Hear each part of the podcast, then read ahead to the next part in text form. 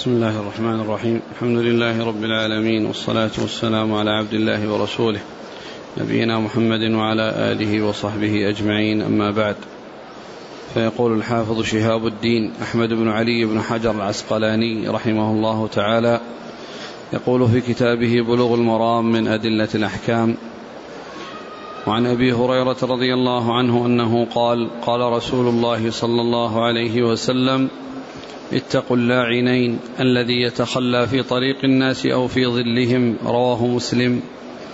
وزاد أبو داود عن معاذ والموارد. ولأحمد عن ابن عباس رضي الله عنهما أو نقع ماء وفيهما ضعف. وأخرج الطبراني النهي, النهي عن قضاء الحاجة تحت الأشجار المثمرة وضفة النهر الجاري من حديث ابن عمر بسند ضعيف. بسم الله الرحمن الرحيم. الحمد لله رب العالمين. وصلى الله وسلم وبارك على عبده ورسوله نبينا محمد وعلى آله وأصحابه أجمعين.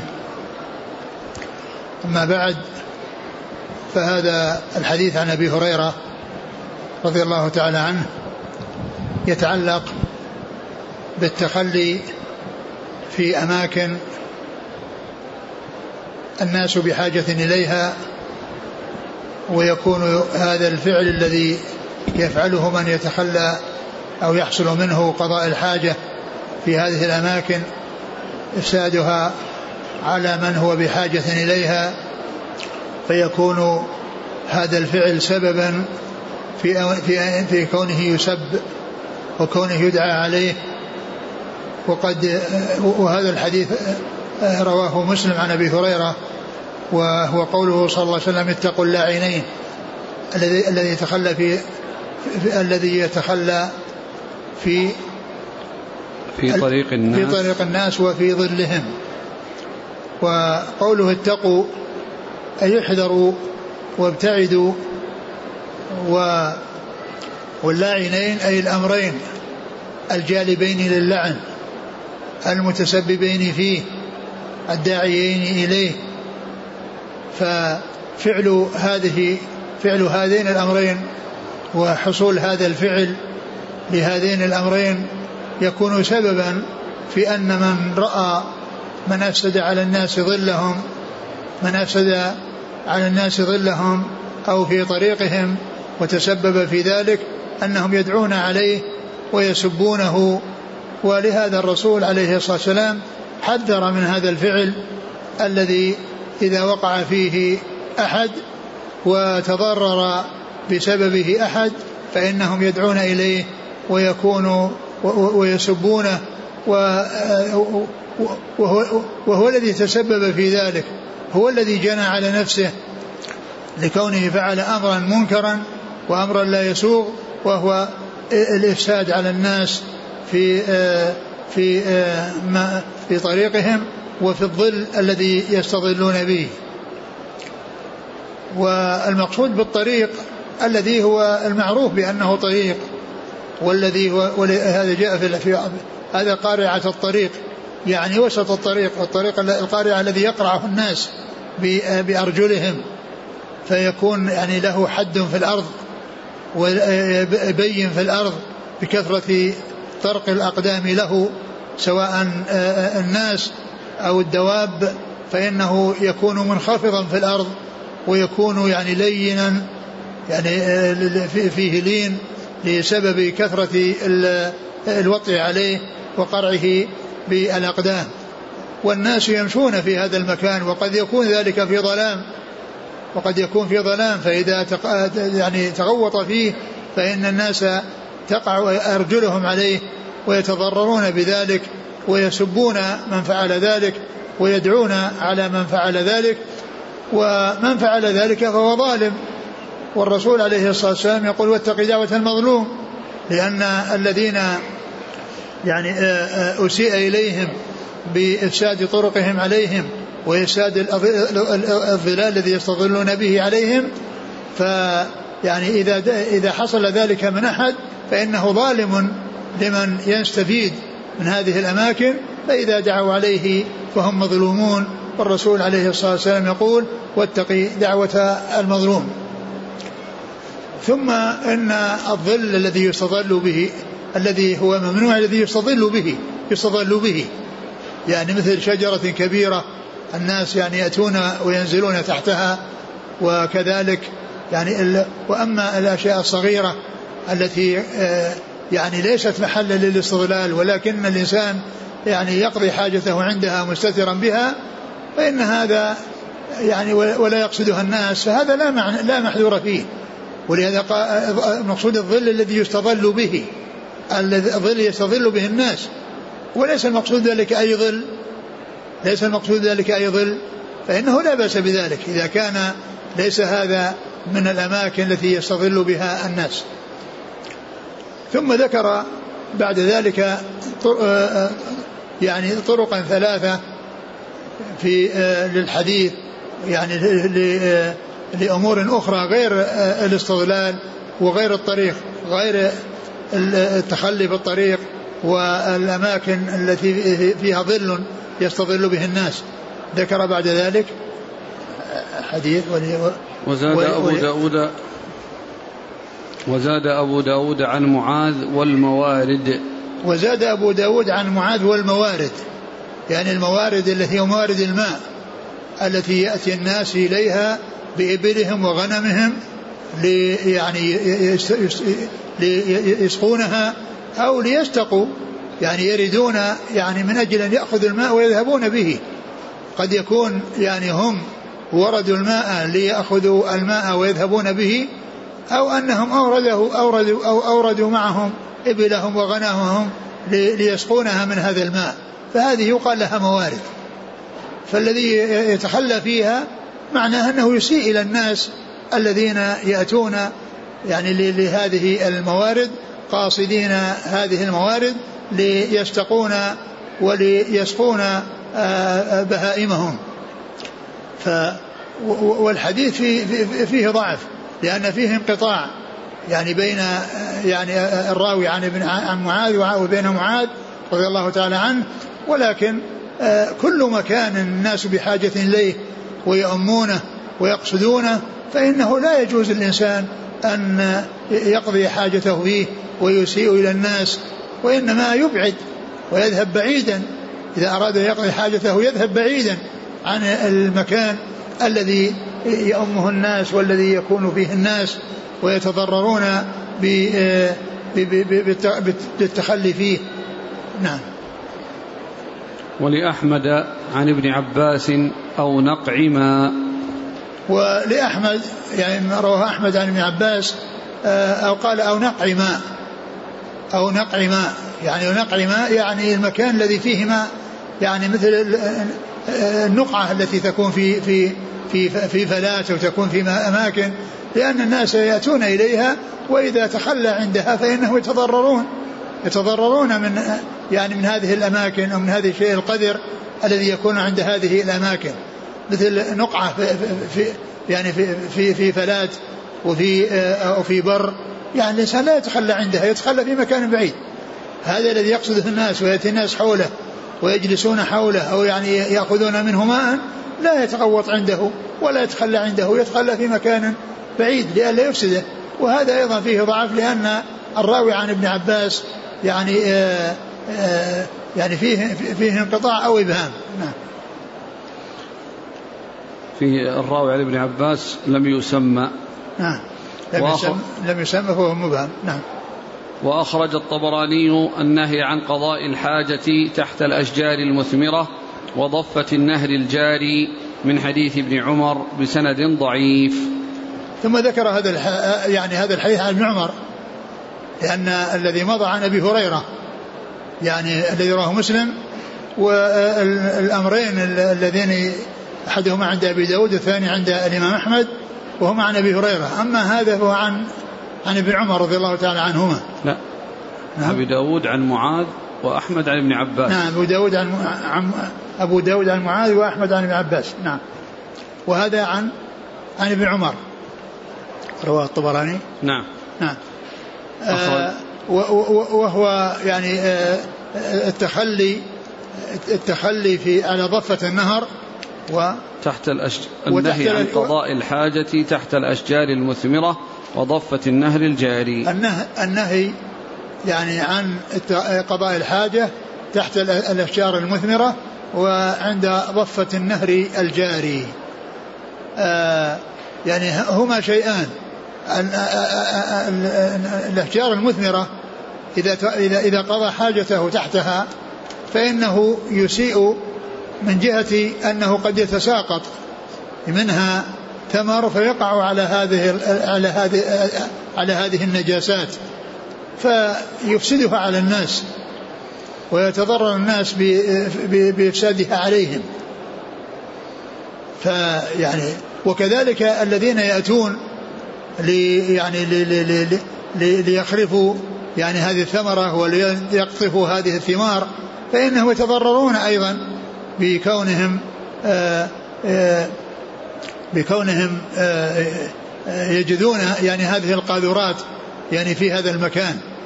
وكذلك أيضا أنه يترتب على ذلك أن أنه يتحلل أو هذه القذرة القاذورات وهذه الأشياء تتحلل فتكون يعني إذا جاءها الماء فإنها تذهب إلى العروق وإلى الشجر فيكون يعني ذلك له تأثير على على الثمرة. فكل هذه المحاذير موجودة في يعني هذا العمل. وأما ضفتي النهر الجاري فهو أن الناس عندما يأتون لي يعني يستفيدون من النهر أو ليجلسون على النهر أو على فإنهم يتأذون بذلك. ولكن الإنسان عندما يكون جالسا عند النهر ويقضي حاجته إن كان هناك أماكن آه، مخصصة لقضاء الحاجة يعني قضى حاجته فيها وإلا أبعد عن هذا المكان الذي يأمه الناس ويجلس فيه الناس. وقال وبإسناد هو بإسناد ضعيف. يعني فيه فرات في الرجل الذي فيه فرات. فرات ابن السائب. نعم فرات ابن السائب وهو متروك. نعم. قوله اتقوا اللاعنين. يعني المقصود به اللاعنين يعني الأمرين الجالبين للعن. يعني آه، وقيل إنه لا إنه لاعن بمعنى ملعون. اللاعنين بمعنى ملعون يعني ملعون من يعني هذا الفعل. فهل يؤخذ منه جواز الدعاء باللعن على من تخلى بطريق الناس أو في ظلهم؟ نعم لعن غير المعين جائز. وأما لعن المعين لا يجوز. لا يقول لعن الله فلانا لأنه فعل كذا وكذا كان يعرف. وإنما يأتي بالصفه لأن هذا هو الذي جاء في الكتاب والسنة. لعنة الله على الظالمين لعن الله السارق يسرق البيضة لعن الله المشبهين من رجال بالنساء والمشبهات من النساء بالرجال نعم. لكن الذي سيأتي ويرى مثل هذا الشيء سيقول الله يلعن اللي سوى كذا. نعم إذا قال الذي فعل هذا فهو ما, ما لعن معين. يعني ما لعن لم يلعن معين نعم. يقول إذا كان الظل يستعمل في معصية الله كالقمار فهل يجوز إفساده؟ وهل يعني يكون ذلك محصورا يعني على هذا المكان؟ محصور يعني ما يستعمل إلا لهذا؟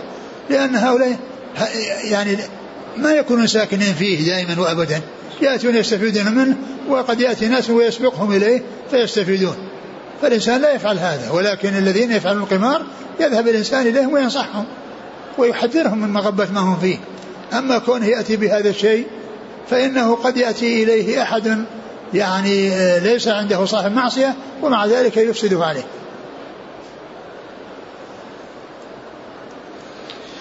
وعن جابر رضي الله عنه أنه قال قال رسول الله صلى الله عليه وعلى آله وسلم إذا تغوط الرجلان فليتوارى كل واحد منهما عن صاحبه.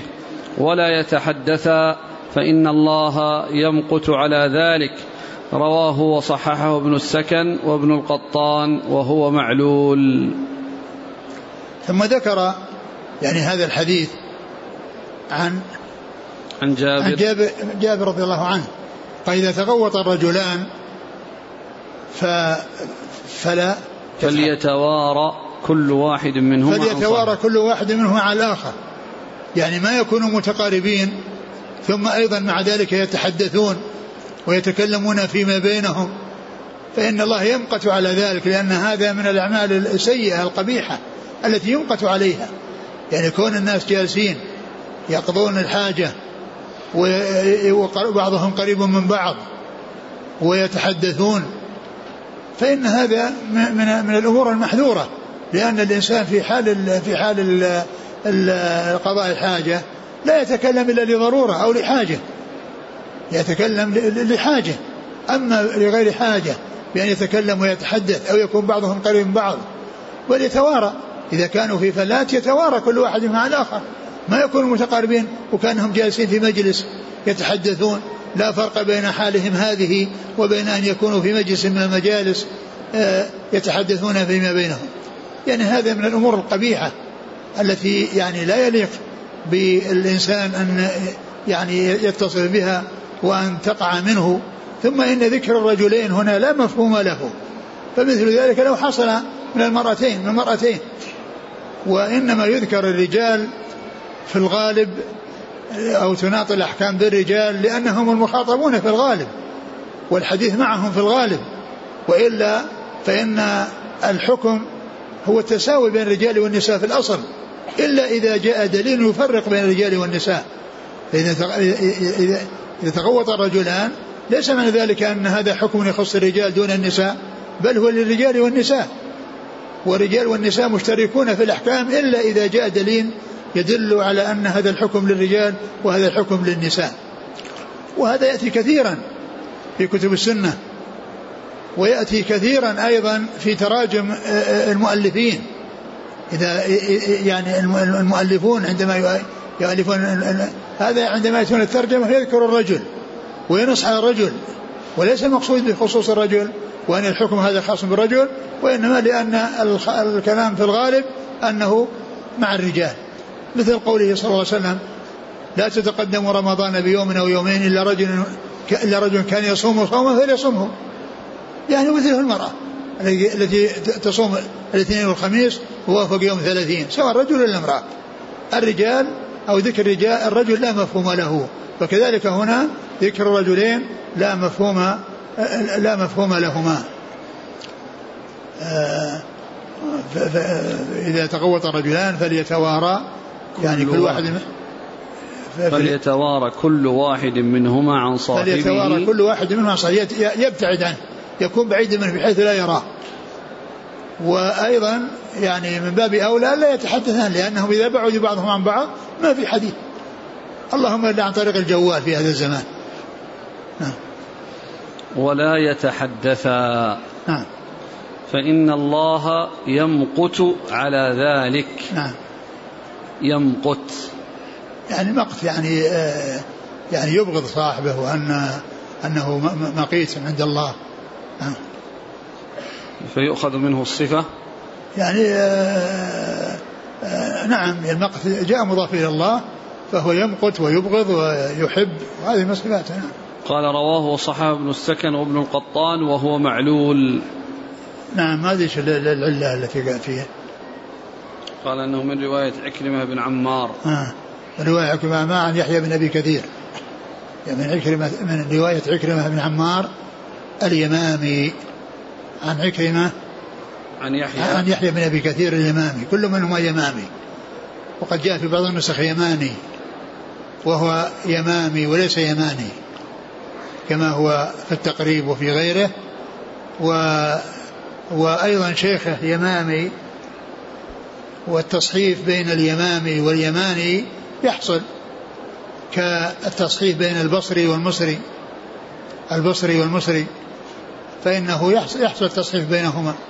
حين ينسب المصري فيقال بصري والبصري يقال له مصري لتقارب فيما بينهم. وكذلك اليمامي واليماني لأن هذا يعني صح في بعض النسخ فيعني اليماني وهو اليمامي. نعم.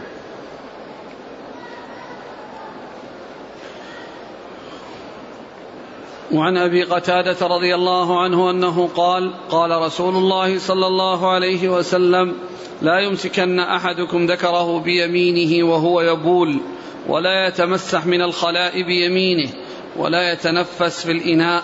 متفق عليه واللفظ لمسلم.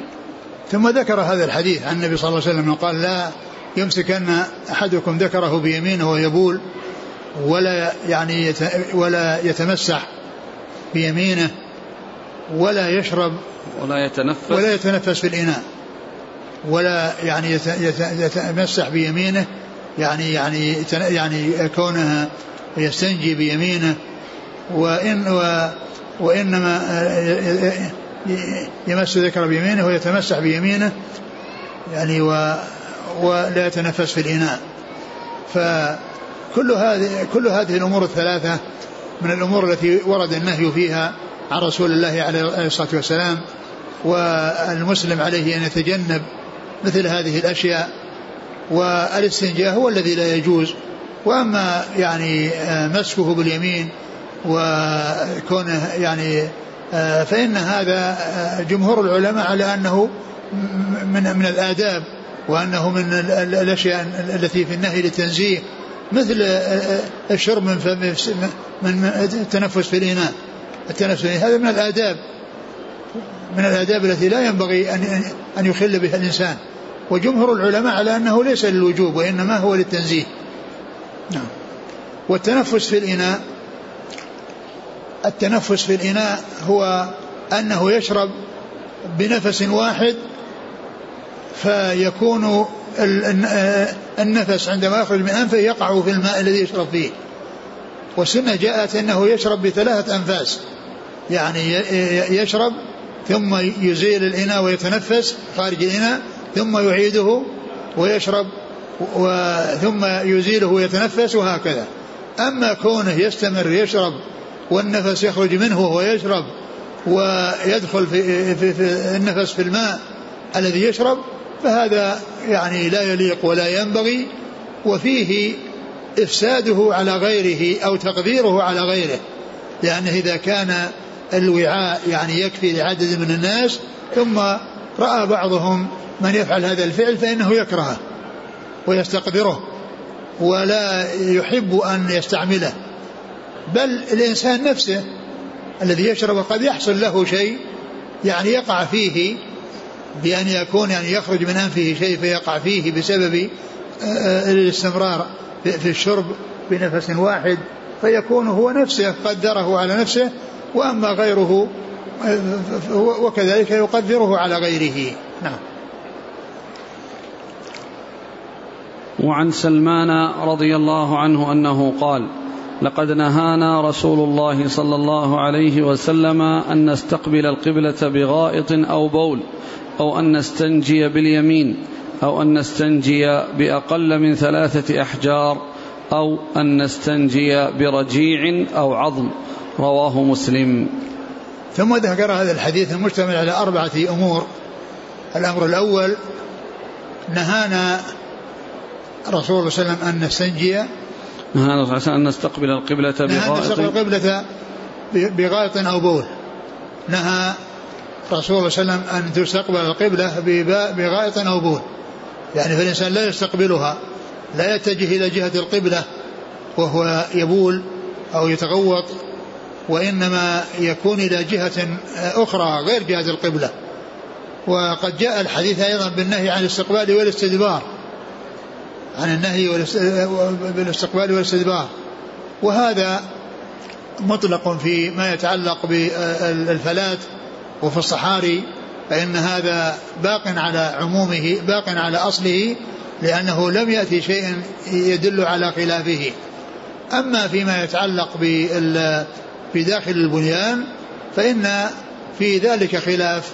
منهم من قال إنه لا يعني يجوز استقبال القبلة لا حتى في البنيان لأن الأحاديث جاءت مطلقة كما جاء في هذا الحديث وحديث أيوب أبي أيوب الأنصاري.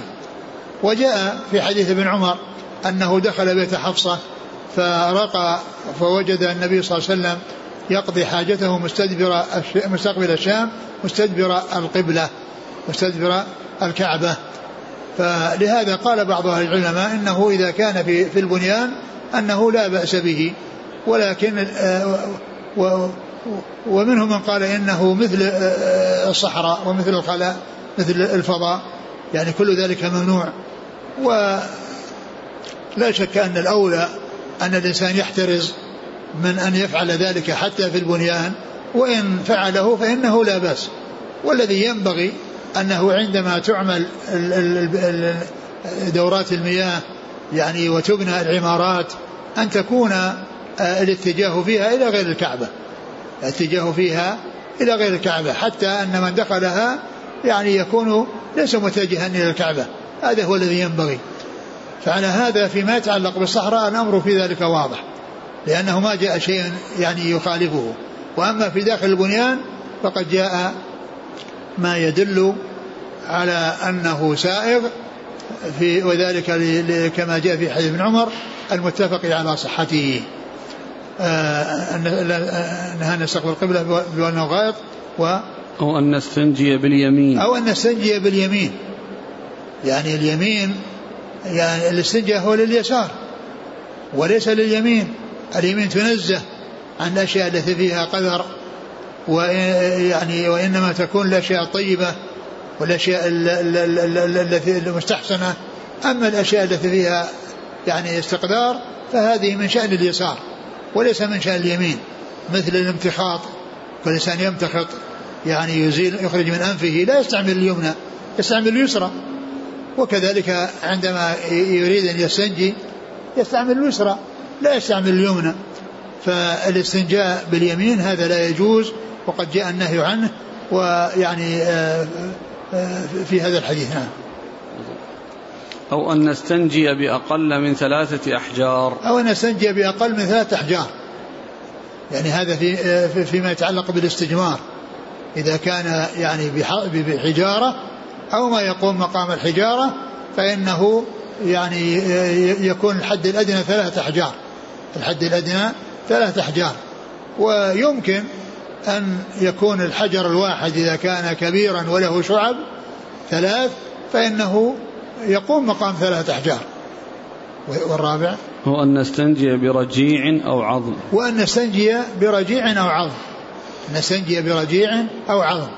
يعني هذا الرجيع الذي هو الذي هو آه، آه، آه، الروث يعني البهائم يعني وكذلك العظام لا يستنجى بها.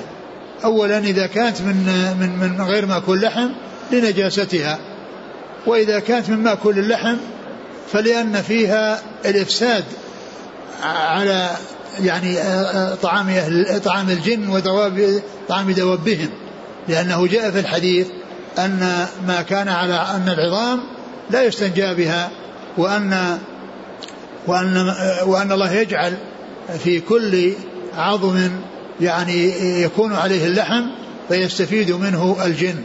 والروث علف للدواب.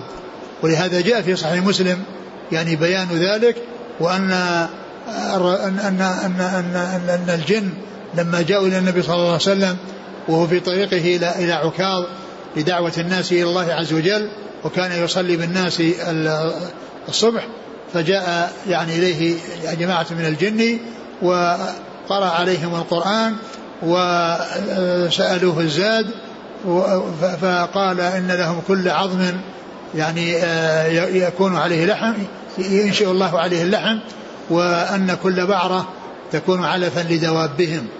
ولهذا قال فلا تفسدوها على إخوانكم. يعني آه، كما جاء في صحيح مسلم. فإذا العظام والأرواث لا يستنجى بها. إن كانت من من من غير مأكول اللحم فهي نجسة. وإن كانت من مأكول اللحم فهي طعام للجن ولدوابهم. وللسبعة من حديث أبي أيوب لا تستقبلوا القبلة بغائط ولا بول ولكن شرقوا أو غربوا. ثم ذكر حديث أبي أيوب الأنصاري رضي الله عنه وقال للسبعة الذين هم أصحاب الكتب الستة والإمام أحمد كما ذكر ذلك في المقدمة. قال لا تستقبلوا القبلة ببول أو غائط ولكن شرقوا وغربوا لا تستقبلوا القبلة ببول أو غائط هذا مثل الحديث الذي مر. حديث سلمان الذي مر فيه لا تستقبلوا القبلة ببول أو غائط هذا مثله.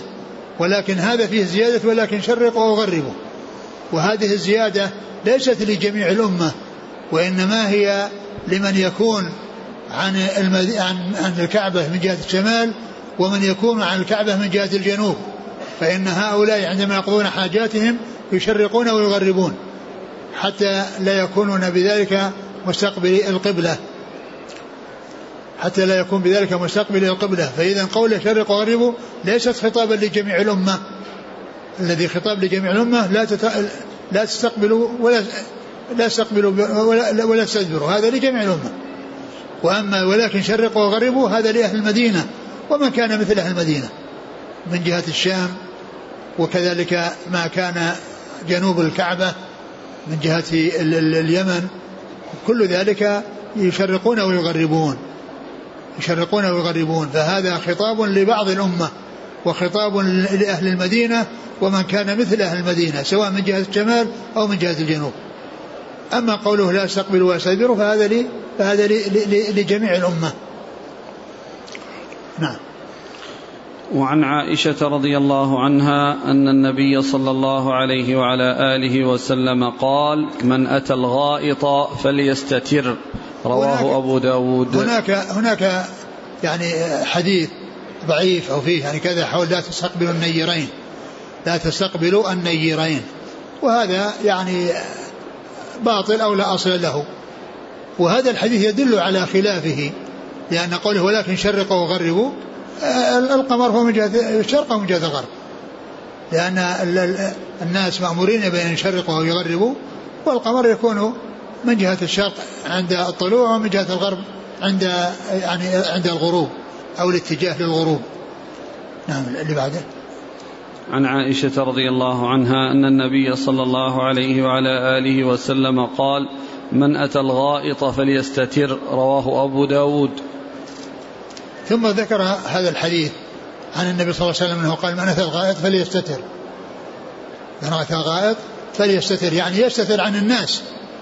يستتر عن الناس. ويعني ويحذر من ان ان يعني يعني يحصل له شيء من البول يعني على جلده. لكن الاستتار هو التواري. وأن الإنسان يعني لا يكون يقضي حاجته عند الناس. لا يقضي حاجته عن الناس وعليه أن يستر عورته عن الناس ويبتعد يعني آه، عنهم.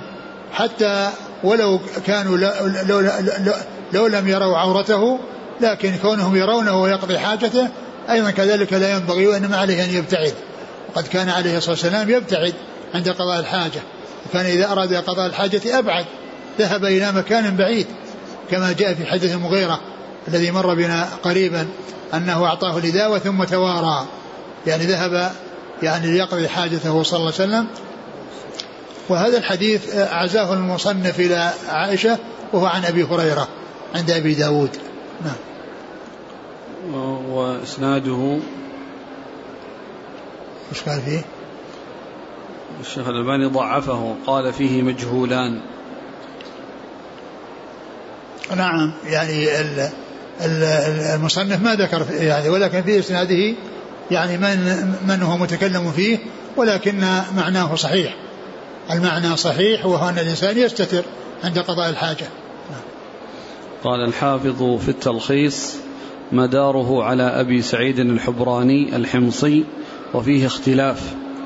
وقيل إنه صحابي ولا يصح والراوي عنه حسين الحبراني وهو مجهول. قال أبو زرعة شيخ. وعنها رضي الله عنها أن النبي صلى الله عليه وسلم كان إذا خرج من الغائط قال غفرانك أخرجه الخمسة وصححه أبو حاتم والحاكم. يعني هذا دعاء عند الخروج. وسبق أن تقدم أن الدعاء عند الدخول بسم الله اللهم إني أعوذ بك من الخبث والخبائث. وهنا عندما يكون الخروج يقول غفرانك. يعني أسألك غفرانك ويعني ومناسبة هذا الدعاء وقوله غفرانك يعني قيل لأن الإنسان عندما يكون في قضاء الحاجة فهو يعني لا يعني لا ليس له أن يذكر الله وأنه يعني آه، آه، آه، حصل في هذه الفترة يعني أنه لا ليس له أن يذكر الله ويستغفر الله عز وجل من ذلك. وقيل إن أن ما أنعم الله عز وجل عليه من النعم وكفاه يعني الأضرار التي تترتب على هذه المآكل التي أنعم الله بها على الناس فإن الله تعالى يسر دخولها ويسر خروجها وحصلت المنفعة بها. ف يعني ومع ذلك الناس لا يؤدون شكر الله عز وجل على هذه النعم فإنهم فإن فجاء مناسبة يعني غفرانك يعني من التقصير الذي يحصل بكثرة النعم من الله عز وجل وأن الناس يعني آه، آه، يحصل منهم التقصير يعني في آه، فيها. نعم. أخرجه الخمسة. نعم. خمسة هم الخمسة هم يعني من عدا البخاري ومسلم. وصححه أبو حاتم والحاكم. نعم. أبو حاتم الرازي. ها؟ وليس أبو حاتم بن حبان. وصححه أبو حاتم. مم. أبو حاتم والحاكم. أبو حاتم هو يعني الذي هو صاحب الصحيح ابن حبان. ويعني الحاكم يعني صاحب الصحيح وأبو حاتم هو صاحب الصحيح. وفيه أبو حاتم الذي هو صاحب أبو زرعة الرازيان. أبو زرعة وأبو حاتم الرازيان. أنا ما أدري الآن أيهما. نعم. الشيخ في الإرواء يقول وصححه الحاكم وكذا أبو حاتم الرازي وابن خزيمة وابن حبان. إذا إذا هذا أبو حاتم الرازي وابن حبان الذي هو أبو حاتم أيضا ممن صحح مع ابن خزيمة. نعم. وعن ابن مسعود رضي الله عنه أنه قال أتى النبي صلى الله عليه وعلى آله وسلم الغائط فأمرني أن آتيه بثلاثة أحجار فوجدت حجرين ولم أجد ثالثا فأتيته بروثة فأخذهما وألقى الروثة وقال هذا ركس. أخرجه البخاري زاد أحمد والدار قطني ائتني بغيرها. ثم ذكر هذا الحديث عن النبي صلى الله عليه وسلم أنه قال لأبي هريرة لابن مسعود. لابن مسعود. يعني ابن مسعود كما عرفنا قريبا يعني أنه ممن خدم الرسول صلى الله عليه وسلم. ومر في حديث أنس وغلام النحوي. كنت أحمل إداوة أنا وغلام نحوي وعرفنا أن أن ابن مسعود ممن يخدم الرسول صلى الله عليه وسلم ولكنه لا ينطبق عليه أنه نحو ابن أنس في السن لأن أنس صغير وابن مسعود يعني كان كبيرا وكان من المهاجرين من المهاجرين رضي الله عنه وأرضاه.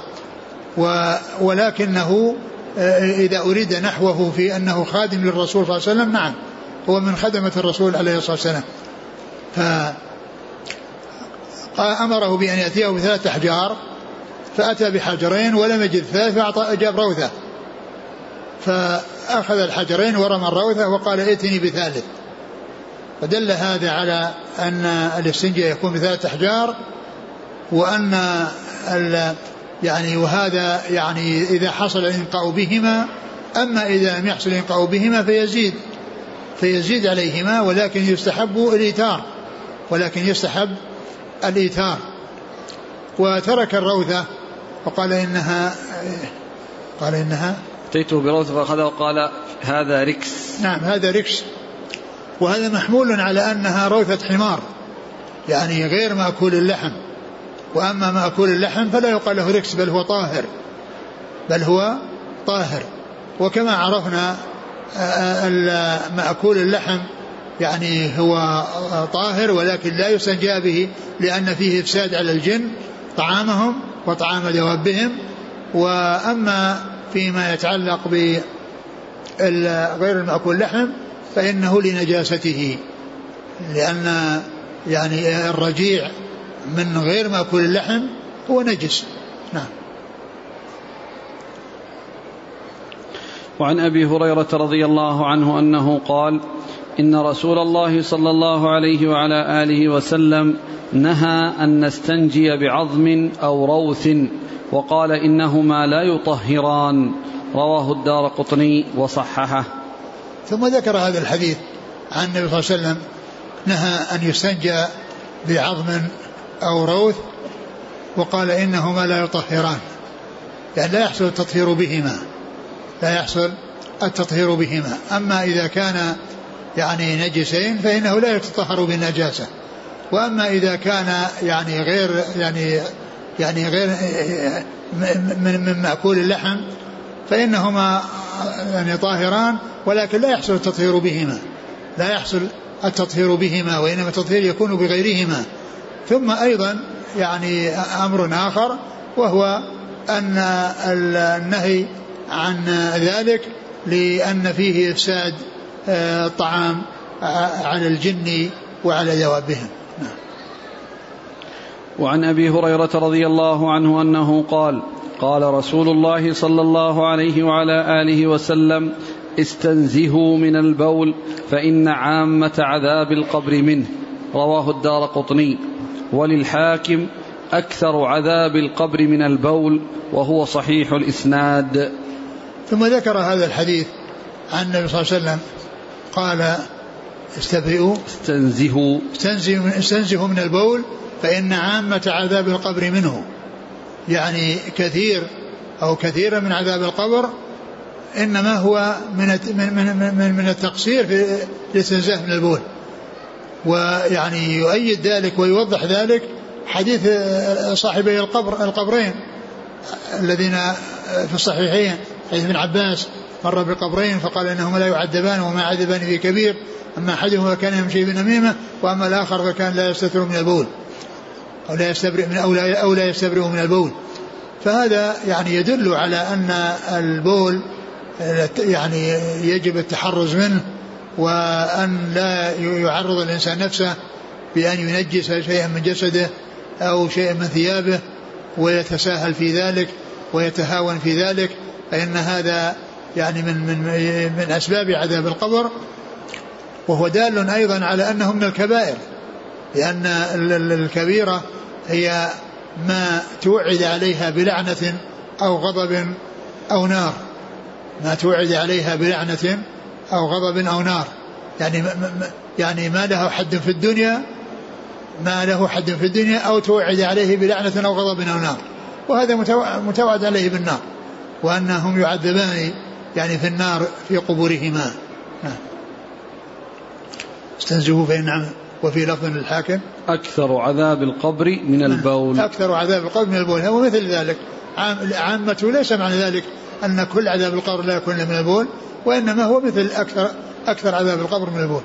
يعني أن هذا من الأسباب التي أكثر من غيرها يعني للتعذيب في في القبر. وفيه آه، الإيمان والتصديق بعذاب القبر وأنه حق وكذلك نعيمه وأن النعيم والعذاب يحصل في القبور والقبور هي أول مراحل الآخرة والحد الفاصل بين الدنيا والآخرة الموت فكل من مات قامت قيامته وانتقل من دار العمل إلى دار الجزاء و وما يجري فيه من نعيم أو عذاب هو من أمور الغيب التي يجب التصديق بها التصديق بها وأنها حق وأنها واقعة ولو لم نرها يعني لو أن إنسان فتح القبر وما وجد فيه جنة ولا نار ما يقال أن فيه ليس فيه جنة ولا نار. هذه أمور غيبية من أمور الآخرة وهي ليست كأمور الدنيا. فالله تعالى يخفيها على على أخفاها على الناس حتى يتميز من يستعد للآخرة ومن لا يستعد. يتميز من يستعد من يؤمن بالغيب ومن لا يؤمن بالغيب. ومما يوضح يعني أن أمور الآخرة والجنة والنار والعذاب في الآخرة أنه ليس يعني مثل ما يحصل ليس يعني يشاهد ويحصل في الدنيا وأن هذا أمور يجب تستوجب الإيمان والتصديق. صلاة الرسول صلى الله عليه وسلم صلاة الكسوف وقد رأى الجنة ورأى النار. والصحابة رضي الله عنهم وراءه وراءه يصلون. ولم يروا النار ولم يروا الجنة. الرسول عليه الصلاة مد يده وهو يرى الجنة وعناقيدها وهم يرون يده ممدودة ولم يرون شيء ولم يروا شيء الذي مدت إليه. ورأوه تقهقر لما رأى النار والناس ما رأوا الذي أمامه. فإذا هذه أمور يخفاها الله عز وجل. هذا هذا وجد في الدنيا. وجد في الدنيا. يعني والناس شاهدوه. الرسول رأى وهم ما رأوا. وقد قال عليه الصلاة والسلام في كما في صحيح مسلم لولا أن لا تدافنوا لدعوت الله أن يسمعكم من عذاب القبر ما أسمع. لولا أن تدافعوا لدعوت الله أن يسمعكم من عذاب القبر ما أسمع. ولو أنه ظهر للناس أو سمعوا يعني آه، آه، العذاب في القبور ما قر لهم قرار ولا تلذذوا بعيش. ولا ولا, ولا حصل لهم راحة وطمأنينة. وهذا هو معنى قوله صلى الله عليه وسلم لولا أن لا تدافنوا لدعوت الله أن يسمعكم من عذاب القبر ما أسمع. نعم. وعن سراقة بن مالك رضي الله عنه أنه قال علمنا رسول الله صلى الله عليه وعلى آله وسلم في الخلاء أن نقعد على اليسرى وننصب اليمنى. رواه البيهقي بسند ضعيف.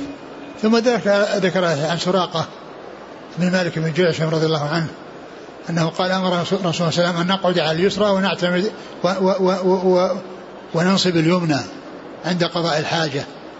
يعني أنه يعني يكون اعتماده على رجله اليسرى. يعني بخلاف اليمنى فإنه ينصبها ولا يكون اعتماده عليها. وقيل لأن ذلك أسهل وأمكن في خروج ما في بطنه من من من, من الغائط. والحديث والحديث كما قال يعني البيهقي أخرجه البيهقي. نعم. بسند ضعيف. بسند ضعيف. وسببه الرجل الذي فيه.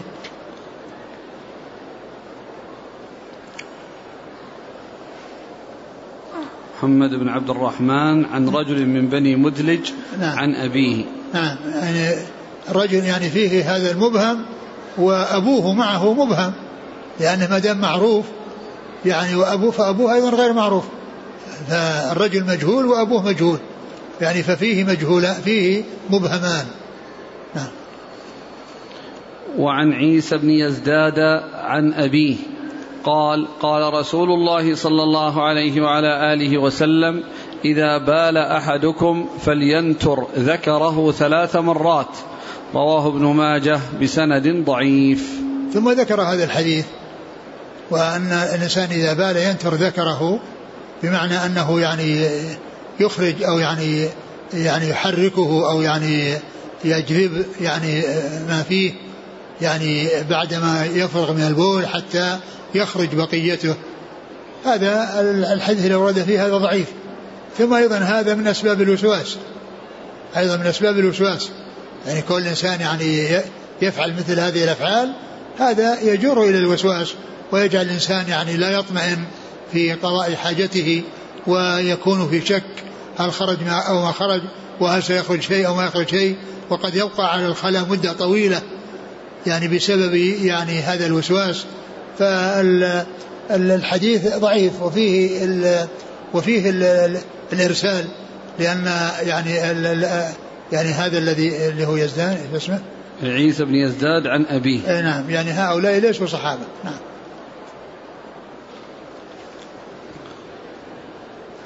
وعن ابن عباس رضي الله عنهما أن النبي صلى الله عليه وعلى آله وسلم سأل أهل قباء فقالوا إنا نتبع الحجارة الماء. رواه البزار بسند ضعيف. وأصله في أبي داود والترمذي. وصححه ابن خزيمة من حديث أبي هريرة بدون ذكر الحجارة.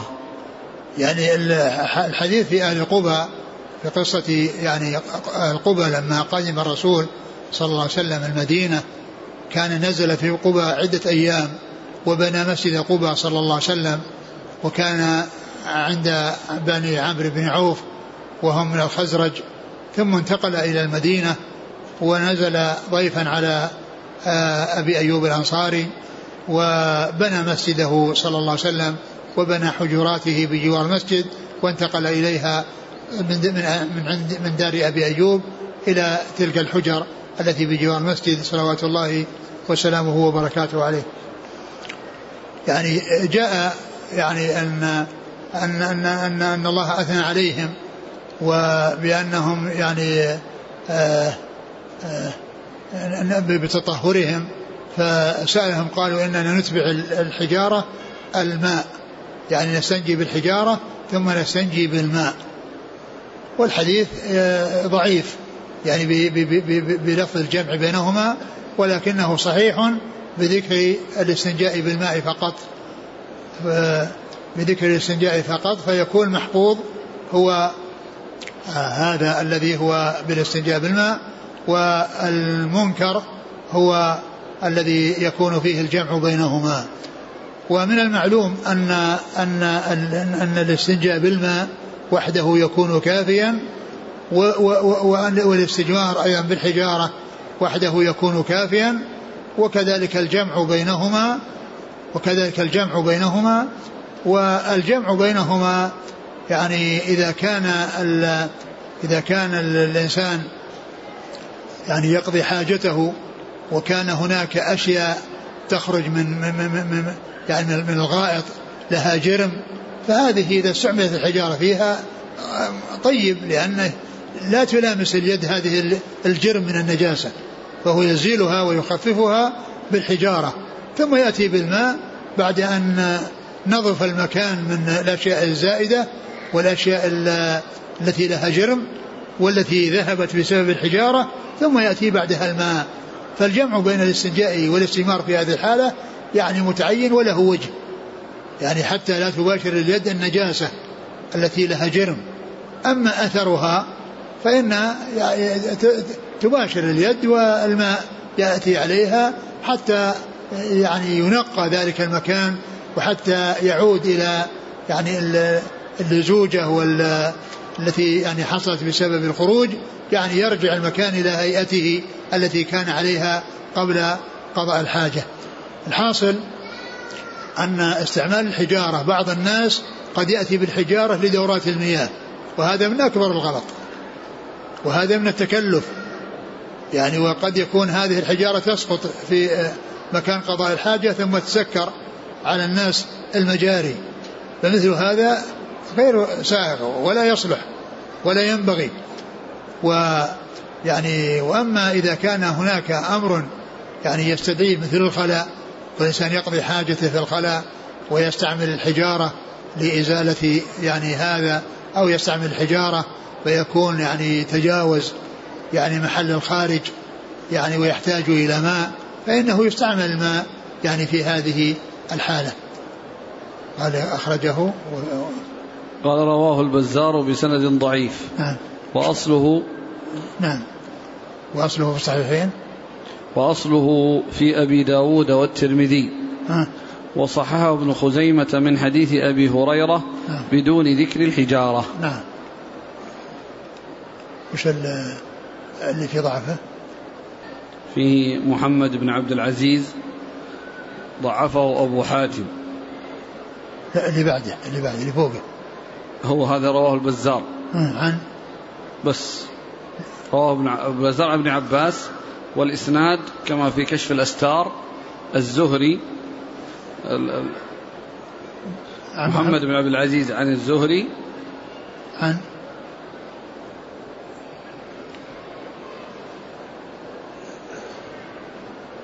لم يذكر.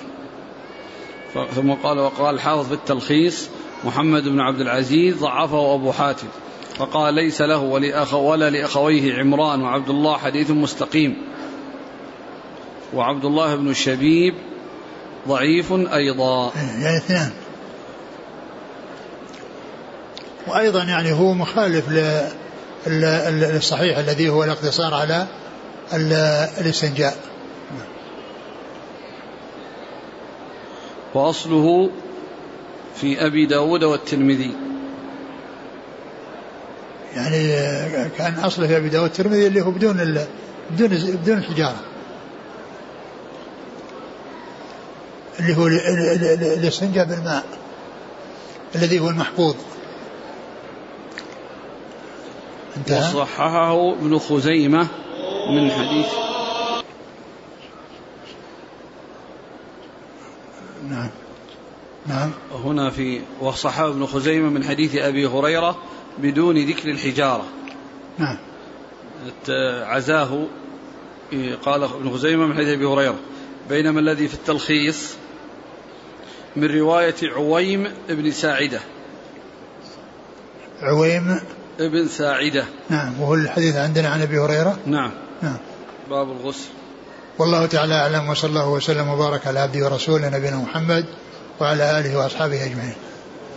جزاكم الله خيرا وبارك الله فيكم ألهمكم الله الصواب وفقكم للحق شفاكم الله وعافاكم ونفعنا الله ما سمعنا غفر الله لنا ولكم وللمسلمين أجمعين. آمين. يقول السائل هل الاغتسال العادي يرفع الحدث الأصغر؟ هل؟ هل الاغتسال العادي الاستحمام يرفع الحدث الأصغر أو يلزم الوضوء بعده؟ لا ما يرفع الحدث الأصغر. يرفع الحدث الأصغر الحدث الأكبر. يعني أما الحدث الأصغر فإنه لا بد من الإتيان به وحده ولا يكفي عنه الاغتسال للتبرد أو لغير ذلك مما ليس فيه رفع حدث أكبر.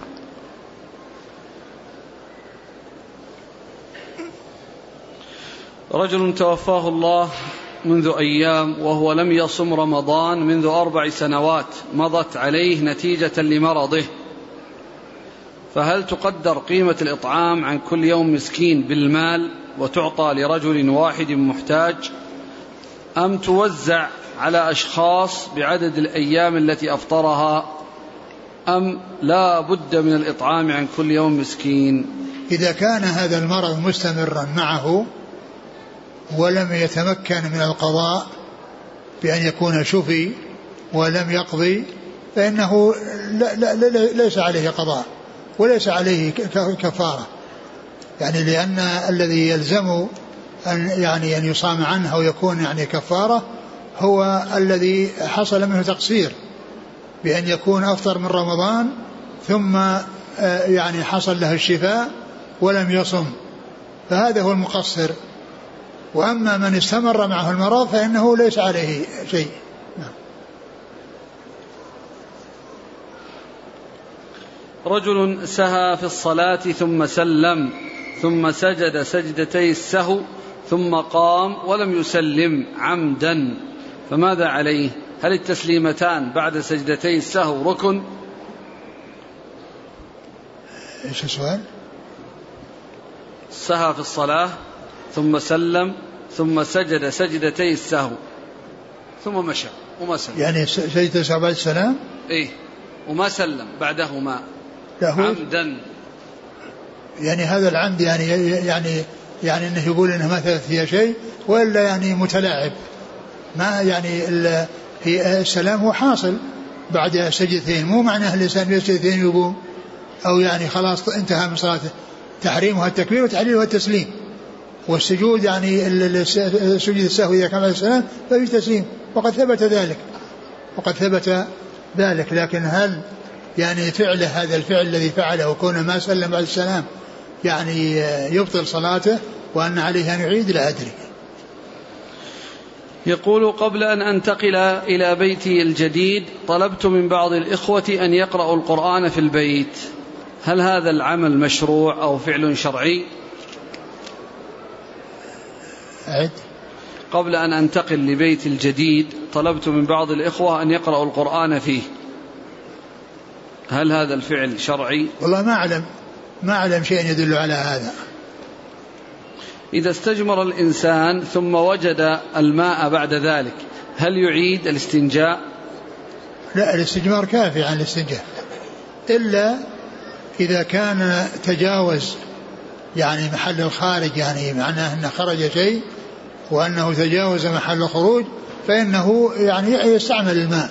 أما إذا كان ما حصل شيء وأنه ما تجاوز يعني الحدث محل الخارج فإنه كافي. لأن الاستجمار يكفي وحده والاستنجاء يكفي وحده. هل الكلام في الخلاء محمول على التحريم أو الكراهة؟ والله هو لا شك هو اللي جاء ذكر المقت يعني هذا يدل على أنه يعني أنه يعني ما أنه ما دام ممقوتا عند الله صاحبه وأنه يمقت الله عز وجل يدل على التحريم. لكن للضرورة ما في بأس. كون الإنسان يعني أراد يعني مثلا دخل دخل الماء وإذا الحمام أو قضى حاجته وإذا ما فيه ماء. فإذا طلب من أحد وكلم أحد ائتني بماء أو ائتني بشيء يعني المناديل يعني يعني يستنجي بها ويزيل يعني هذا الذي الآثار. فإن هذا للحاجة لا بأس. أما كونه جالس يعني يتكلم مع صاحبه يعني مثل ما كانوا في مجلس يتحدثون هذا يعني هذا هو الذي يمقت الله عليه. بالنسبة اتقوا اللاعنين. قول يقول أليس قول لعن الله من فعل هذا الفعل؟ اللي هو قضاء الحاجة. نعم. تخصيص باللعن للفاعل. وأما التعميم أن يقال لعن الله من تغوط في طريق الناس. كونه ما سمى أحد ولا عين أحد يعني آه، جائز. المهم أنه لا يسمي أحد ولا يعين أحد. جزاكم الله خيرا. سبحانك اللهم وبحمدك. أشهد أن لا إله إلا أنت. أستغفرك وأتوب إليك.